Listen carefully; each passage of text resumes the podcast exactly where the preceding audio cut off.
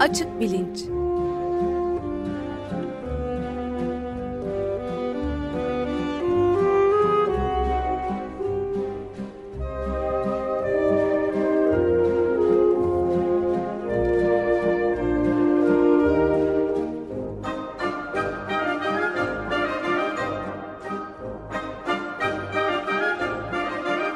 Güven Güzeldere ile bilim ve felsefe sohbetleri.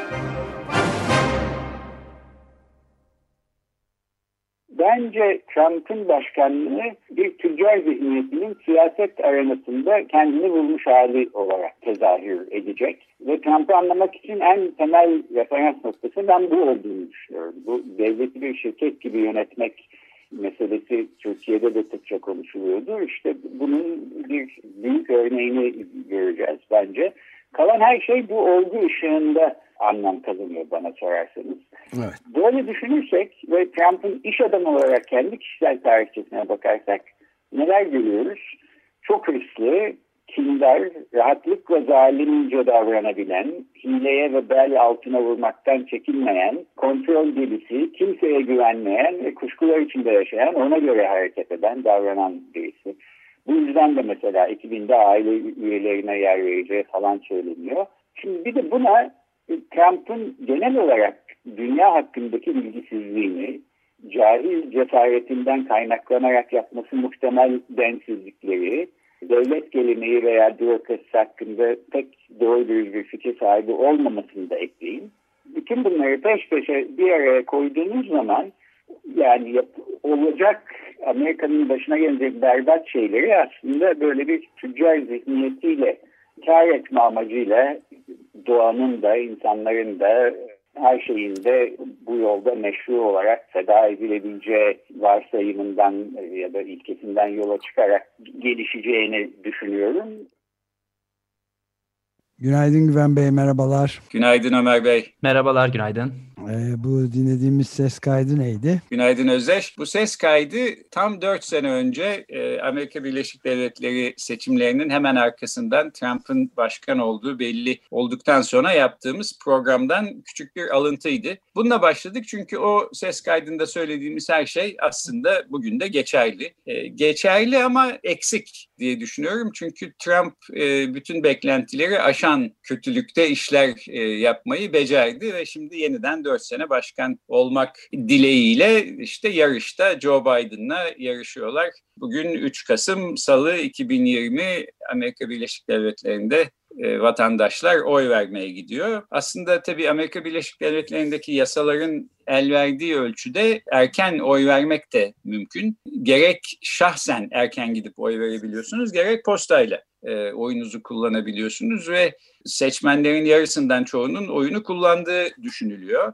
Hatta oy kullanmakta epey bir e, yükseliş olacağı tahmin ediliyor. Çünkü mesela Texas eyaletinde şimdiden kullanılmış olan erken oylar 2016'da kullanılan bütün oyları aşmış durumda ki bunun üstüne bir de bugün oy kullanacaklar eklenecek filan. Dolayısıyla yani belki aslında kimin kazandığı e, şu anda belli olmuş bile olabilir. Biz bilmesek de oyların e, henüz e, sayımı yapılıp açıklanmadığı için e, bu açıklamalara e, salı günü sandıklar kapanana kadar izin yok. Ama böyle e, ilginç bir e, durumda bir Amerika seçimlerinin e, arifesindeyiz. Ben de bu programı üçüncü geleneksel ABD seçimleri programı olarak adlandırıyorum. Çünkü bu üçüncüsü sahiden Açık Radyo yeni yayın dönemine girdi. E, Açık Bilinç'te 8 senesini doldurmuş oldu böylece. İlk programı 2012'de yapmıştık. Yeni yayın döneminin ilk programıydı ve Obama e, ikinci kez başkanlık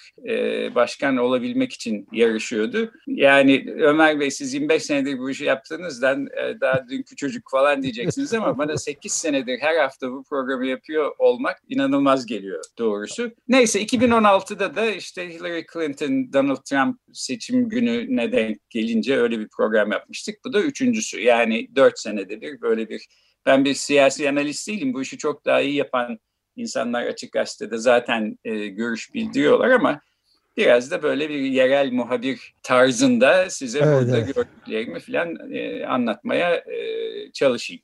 Şimdi benim siyasi olarak değerlendirmem şöyle. Amerika Birleşik Devletleri'nde siyaset epey bir zamandır ortanın sağıyla sağın ortası diye benim nitelediğim böyle çok dar bir alanda e, sürüyor. Ve sanki bundan ibaretmiş gibi bir görüntü, bir anlayış var seçmenlerinde aklında. Bundan ötesi en azından bu zamana kadar pek düşünülebilen bir şey de değildi. Burada işte ortanın sağını Joe Biden ve demokratlar temsil ediyor. Sağın ortasını cumhuriyetçiler ve Trump temsil ediyor.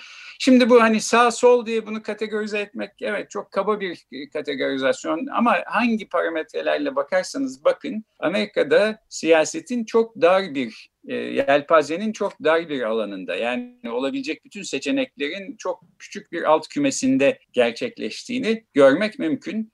E, siyasi olarak böyle. Peki psikolojik profil itibariyle onu da söylemek isterim. Bu seçim densiz ile narsisistin arasında bir yarış. Biraz bu çizgi roman kahramanları gibi oldu ama Joe Biden çok densiz bir adam. Trump da işte narsisistin e, hatta bu geçen haftaki programda e, psikiyatri İlker Küçük Parlağ'ın anlattığı kara üçlü e, yani narsisizmin e, psikopati ve makyavellik bir faydacılık ve fırsatçılıkla birleşmiş halinin e, bence çok açık bir örneği. E, densizden ne kastettiğimi de söyleyeyim. Densiz kelimesi Orta Asya Türkçesinden geliyormuş ve aslı tengmiş. Yani densiz dediğimizde aslında tenksüz diyoruz. Bu da e, işte Joe Biden gibi karman çorman bir akla sahip olup e, aklıyla da dili arasında pek bir filtre mekanizması olmayan, aklına gelen şeyi işte pat diye söyleyen insanlar kastediliyor. Ben en azından bunu kastediyorum densiz diye. Öte yandan Trump bütün dünya için e, öyle büyük bir tehlike ki yani bir tek Amerika Birleşik Devletleri'nin e, meselesi değil bence bu. E, Türkiye'nin de meselesi, bütün dünyanın da, iklimin de, gezegenin de meselesi. E, Joe Biden'ın bu seçimi kazanması ve Trump'ın bir dört sene daha başkan olmaması bana çok önemli gözüküyor. Başka bir nedeni de belki var. T24 sitesinde benim yazılarını hep beğenerek okuduğum Cemal Tunç Demir diye bir gazeteci var. O bir yazı yazmış. Diyor ki Joe Biden böyle şu anda yükselmekte olan otokrat, popülist, işte büyük lider e, profilinden farklı bir kişi. Yeniden Amerika Birleşik Devletleri böyle bu profilden uzaklaşan birisinin başkanlığını e, kabul ederse bu aslında bu güçlü büyük liderler kuyusundan çıkış için bir fırsat olabilir. Demiş ben de katılıyorum. Doğru sahiden yani densiz olabilir adam ama böyle narsist falan bir adam değil. E, Trump'tan o açılardan e, bin kat üstün. Bir avantajı daha var onu da söyleyeyim. Kendisine başkan yardımcısı olarak Kamala Harris diye bir senatörü seçti Joe Biden. Kamala Harris hem siyah hem kadın. E, ve e, Joe Biden bu seçimi kazanırsa dört sene sonra yeniden aday olur mu olmaz mı o bile belli değil. E, onun yerine Kamala Harris geçebilir. Böylece siyah ve kadın bir e, Amerika Birleşik Devletleri Başkanı başkanlığının e, yolu açılmış oluyor. Bu da bence tarihi öneme sahip bir şey. Her ne kadar Kamala Harris benim beğenmediğim ya da onaylamadığım pek çok siyasi görüşe sahip olsa da veya Joe Biden yani 40 gün 40 gece düşünse aslında Kamala Harris'i seçmezdi kendisine kalsa. Bence kendisi gibi işte böyle orta yolcu beyaz erkek e, birisini seçerdi. Ama e, Kamala Harris'i seçmek zorunda kaldı çünkü Amerika'da ciddi şekilde yükselen bir sol dalga var. Bundan da birazdan e, bahsetmek istiyorum. Bu dalganın da önemli bir oy potansiyeli var. E, bu dalgayı oluşturan insanlar da Joe Biden'dan hiç hoşlanmıyorlar. Hatta ona oy vermek konusunda çok isteksizler. E, onları biraz memnun etmek için işte özellikle Bernie Sanders'ın da ittirmesiyle biraz daha sola yakın politikalar öneriyor şimdi e, Joe Biden. İklim e, konusuna daha duyarlı bir hale geldi birden. Doğrusu Bernie Sanders da adaylığı e, Joe Biden'a teslim ettiğinden bu yana canla başla Joe Biden başkan olsun diye yani Trump başkan olmasın diye çalışıyor ve kendi taraftarlarına ne olursa olsun e, işte ister yetmez ama evet diye düşünün nasıl düşünürseniz düşünün gidin Joe Biden'a oy verin diyor. Sürekli kampanyalar yapıyor, Amerika'yı geziyor filan. E, bunu da aslında not etmek lazım diye düşünüyorum. Evet yani ben de bir iki şey ekleyeyim izninizle buna yani bu kişilerin e, özelliklerinin ötesine geçmiş bir durumda. Yani insanlık için gerçekten e, ve yalnız insanlık değil bütün gezegen için aslında bir varoluş ve yok oluş meselesine dönüşmüş durumda. Yani bunu abartarak e, söylemek istemiyorum ama zaten uzun süreden beri Açık Radyo'da da onun dışında da takip etmeye çalıştığımız önde gelen bilim insanları ve aktivistlerin de net olarak yeryüzünün e, başına gel, gelebilecek en ciddi tehdit gelmiş olan hatta tehdit olan e, bu iklim krizini ve biyolojik çeşitlilik krizini e, yeryüzünün en büyük haydudu olarak mesela Noam Chomsky'nin gelmiş geçmiş en büyük haydut olarak niteliyor. Gangster olarak e, yani sosyopatlığın ötesinde Trump'a bırakmak e, artık e, ölüm kalım meselesi ve bunun çok ilginç şeyleri var. Mesela iklim değişikliği e, insanlığın önündeki bir numaralı meseledir ve benim için de bir numaralı meseledir dedi Biden. Buna inanamadım. Yani gözlerime ve kulaklarıma bunu söylediği zaman Bill McKibben yazdı bunu geçen hafta sonunu şeyde Cuma günü New Yorker'da Cumartesi günü vermiş ve yani eğer Bill McKibben da bunu biz sıradan insanların anlayabileceği en kolay anlayabileceği şekilde yazan ilk insan. 30 sene önce bu End of Nature'da yazmıştı. Ve şey diyor atmosferde mekanımız bitti kum saatlerimizde zamanımız bitti diyor. Artık bize rahat ve uygun gelenden çok daha fazla hızlı bir tempoda hareket etmek zorundayız. Öylesine çok zaman harcadık ki e, geçiş transition diyor. Hem keskin hem de küresel olmak bütün dünyada yani yalnız Amerika'da değil. E, bunu yapabilecek kapasitemiz var. Yenilenebilir enerji maliyetlerindeki hızlı düşüş şu demek oluyor. Eğer hep birlikte ayağa kalkmaya karar verirsek bence bu karar verme meselesi çok önemli bir kelime olarak çok hızlı bir ilerleme kaydedebiliriz ama bu sonsuza kadar geçerli olacak bir teklif de değil. Aslına bakarsanız geçerli 4 yıl bile olmayacak diye doğrudan duruyor seçime atıf yapıyor. Yani 4 yıllık bir Evet. E, Chomsky de bundan neredeyse 55 yıl kadar önce yazdığı entelektüelin sorumluluğu başlıklı makalesiyle dünyada sayısız insan gibi bendenizin de düşünce ve davranış dünyası üzerinde derin etki bırakmış bir düşünür. O da yeni çıkan bir kitabı var. Robert Pollin'le solcu ekonomist Robert Pollin'le birlikte kaleme aldı. Şöyle diyor yani başlangıçta ne, nereye gidiyor dünya sorusuna Polikronio'nun sorduğu başlangıçtaki sorunuza dönersek kısa cevap şu diyor. Çevre krizi ikizi nükleer krizle birlikte insanlık tarihinde eşi emsali olmayan gerçek bir varoluş krizi insanlığın kaderini ve şu anda 65 milyon yıldır görülmemiş bir hızla yok etmekte olduğumuz öteki türlerin de kaderini belirleyecek olanlar bugün hayatta olan insanlar. Bizleriz diyor yani. Ve 65 çok da kendine özgü mizahıyla Chomsky şöyle söylüyor. 65 milyon önce muazzam bir göktaşı yeryüzüne çarpmış dinozorlar çağını kapatmış bazı küçük memelilerin evrimleşerek en sonunda göktaşının klonu olmasına, kopyası olmasına giden yolu açmıştı. Ama selefleri olan göktaşından farklı olarak karar verme hakkına sahip bir klondu onlar diyor. Yani karar bizde diyor. O açıdan basit bir seçim olmanın çok çok ötesinde e, görüyorum ben de bunu onlar gibi. Evet, e, tamamıyla katılıyorum. Amerika Birleşik Devletleri'nin e, belki yani bizim hayatımızdaki en önemli seçimi olabilir ben de Amerika Birleşik Devletleri'ndeki seçimlere o kadar dikkat eden birisi değildim doğrusu ya, ya da dert edinen fakat ben de öyle. Evet. E, bu bütün dünyayı ilgilendiren bir seçim. O Ve açıdan il, da şey ilginç bir şekilde şöyle herhalde ilginç bir durum da oldu. Biden aslında daha önceki e, adaylara ve hatta Sanders'a da kıyaslandığında özelliği bir çeşit silik yani net hiçbir politikasının olmaması.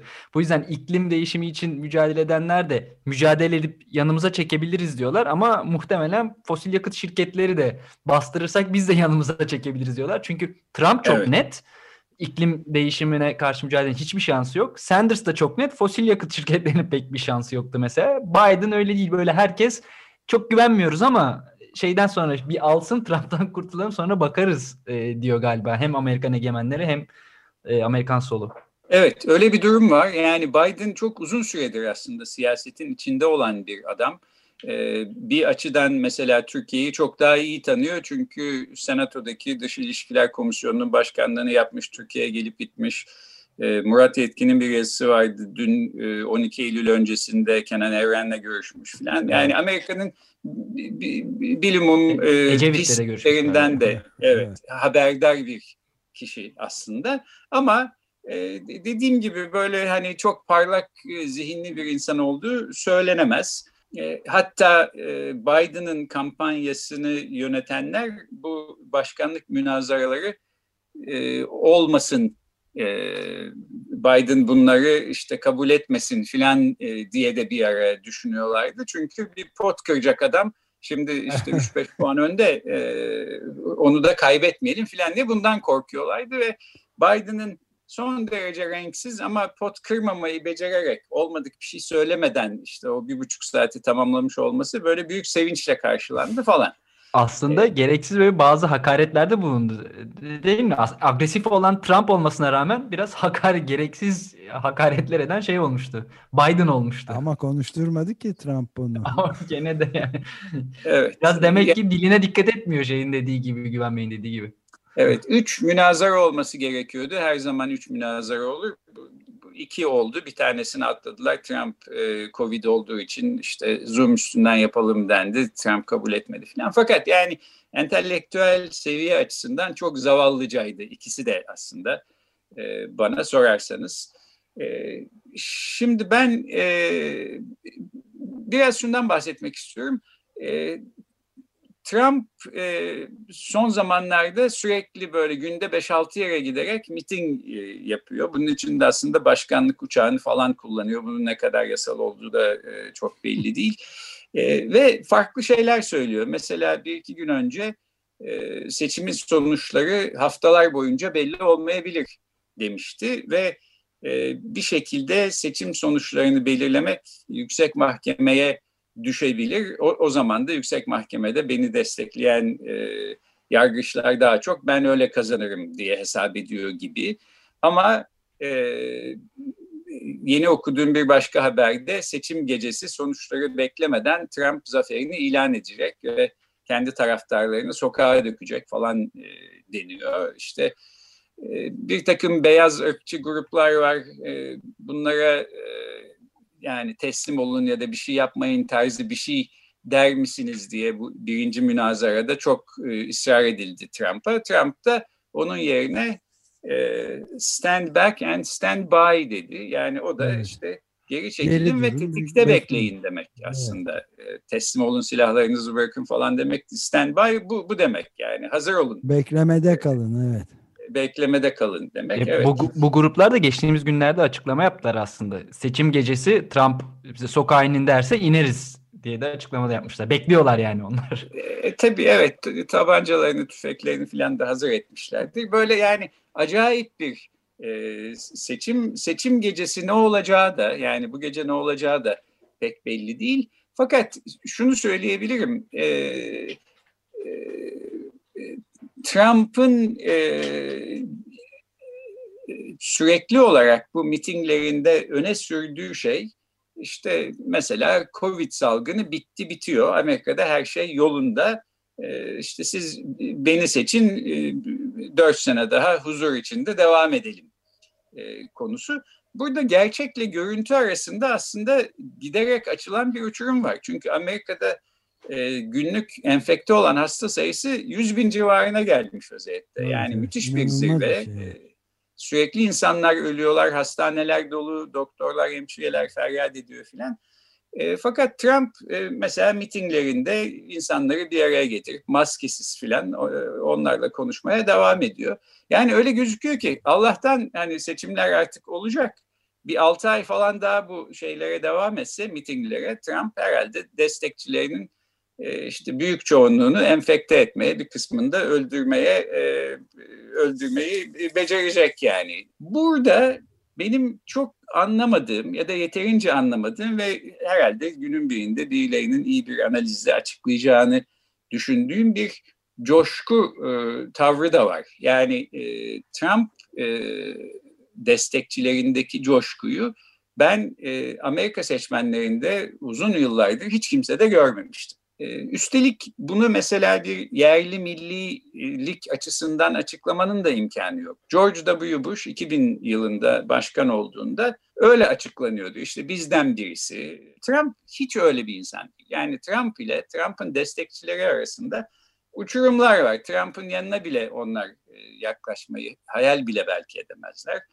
Trump New York'ta doğmuş, büyümüş. İşte eli sıcak su, sudan soğuk suya değmemiş. Ee, süper zengin e, bir adam. Ee, böyle biraz uzaydan gelmiş gibi acayip bir aksanla konuşan robotik görüntülü bir karısı var. Hiçbir yerli milli e, havası vermiyor. Buna karşın e, Trump e, için e, bu mitinglerde gösterilen coşku, yani ölümüne bir coşku var. İnsanlar hani enfekte olmayı filan e, onlar da biliyorlar herhalde böyle riskler olduğunu fakat bunlara sanki aldırmıyor gibiler. Ben de e, geçenlerde gördüm e, yürürken bizim mahallede birisi bir kamyonetin üstüne Trump'ın e, resmini boyatmış bir e, yanına. Öbür tarafında da dört sene daha yazdırmış kocaman filan. Yani Amerika'da hiç böyle arabasının üstüne Biden'ın resmini boyatacak bir kimse büyük ihtimalle yoktur. Ama Trump için böyle bir coşku duyuyor Trump e, taraftarları. Evet, e, bu, burada da ilginç bir şey var. Bunu bunu bu işten evet. daha iyi anlayanlar anlatsın diye söylüyorum. Evet, bunu hiç e, tabii e, yorumlamak çok zor. Süreyi de galiba bitiriyor muyuz? E, bilmiyorum. Beş dakikamız ama, falan var. Evet. Var. Yani yaşamadığımız bir dönem hiçbirimizin ama Leni Riefenstahl'ın filminden de biliyoruz ki e, kitleler Hitler'le de hiçbir ilgileri olmadığı halde muazzam bir şekilde yani ona da yanaşmalarının pek düşünmediği halde muazzam bir coşkuyla sonsuza kadar desteklediler. Ölümüne desteklediler. Dolayısıyla yani geçenlerde de bir e, şey görmüştük. Hatta dünkü programda konuştuk. Yani e, iki şey var. Bir tanesi kaos tehdidiyle yönetmiş, yönetmeye kalkmış Trump yani kaosa gider ben seçilmezsem filan diye. Bir de Amerika Birleşik Devletleri polisinin kayıtlarında bayağı ciddi şekilde Hitler görüntüleri ve eğitimde kullanılan Nazi şeyleri var. Göbez vaziyetleri. O yüzden yani polis de şey demiş mesela Kentucky eyalet polisi. O slaytlar eski canım demiş. Ha, 2013'te müfredattan kaldırıldı diye. Yani gerekirse öleceksiniz ve öldüreceksiniz asıl diyen evet. polise. E yani du durum e, göründüğünden daha da e, vahim olabilir e, doğrusu. Evet. Burada ufak bir hatırlatma e, yapalım. Yani Hitler'i Hitler böyle büyük kitleleri kendi arkasından sürüklerken veya sürük zaten kitleler sürüklenmek zorunda kalırken bütün muhalefeti fiziksel olarak ezdikten sonra bunu başarmıştı. Şeyde ise Trump'a karşı muazzam bir ben şu anda bir e, yazı derliyorum da ilk günden itibaren e, kaç milyon kişinin sokağa çıktığına dair muazzam bir şey var. E, hareket var. Yani seçim sonuçlarından bağımsız olarak e, böyle bir e, güç de var. Evet işçi sendikalarının sen e, grev genel grev çağrısı evet.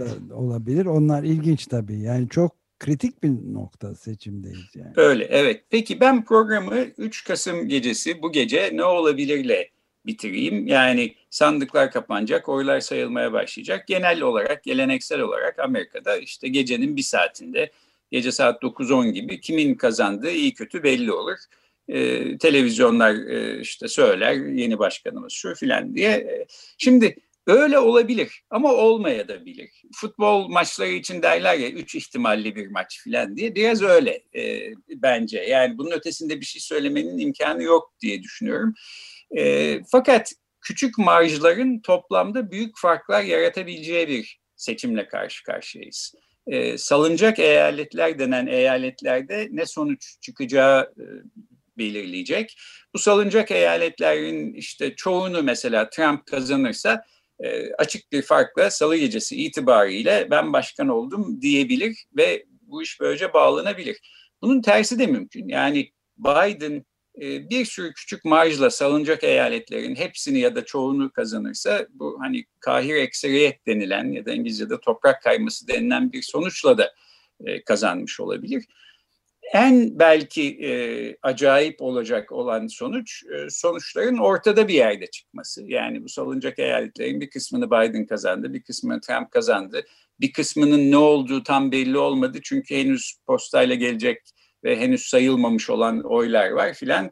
İş yüksek mahkemeye de gidebilir. İşte 2000 yılında e, Bush'la Gore arasında öyle bir durum olmuştu Florida eyaletinde ve oradaki oy farkı yüzde birin yüzde birinden daha az bir farktı. Buna benzer bir durumda Trump'ın hiçbir zaman pes etmeyeceği, işte mahkeme işin içine katarak yargı yoluyla başkanlığını teyit ettirmeye çalışacağı filan e, çok açık. Yani önceki seçimlere nazaran e, çok daha büyük değişikliklerin eşiğinde olan ama bu değişiklikleri küçük marjların belirleyeceği bir e, seçimle karşı karşıyayız. Evet galiba bitirdik. Son derece insanlık için de çok alışılagelmemiş önemli bir seçim bu. Evet, bir başka programda ileride belki bu e, Bernie Sanders'ın yarattığı sol e, dalgayı da e, anlatmak isterim. Çünkü gençler arasında gerçekten evet. e, bir zihin değişikliği, bir paradigma değişikliği görüyorum. Şimdiye kadar hiç görmediğim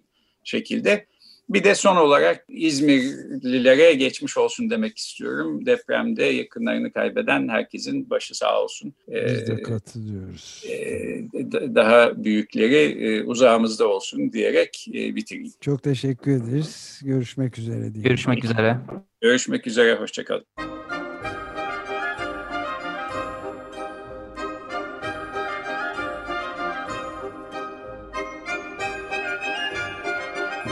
Açık Bilinç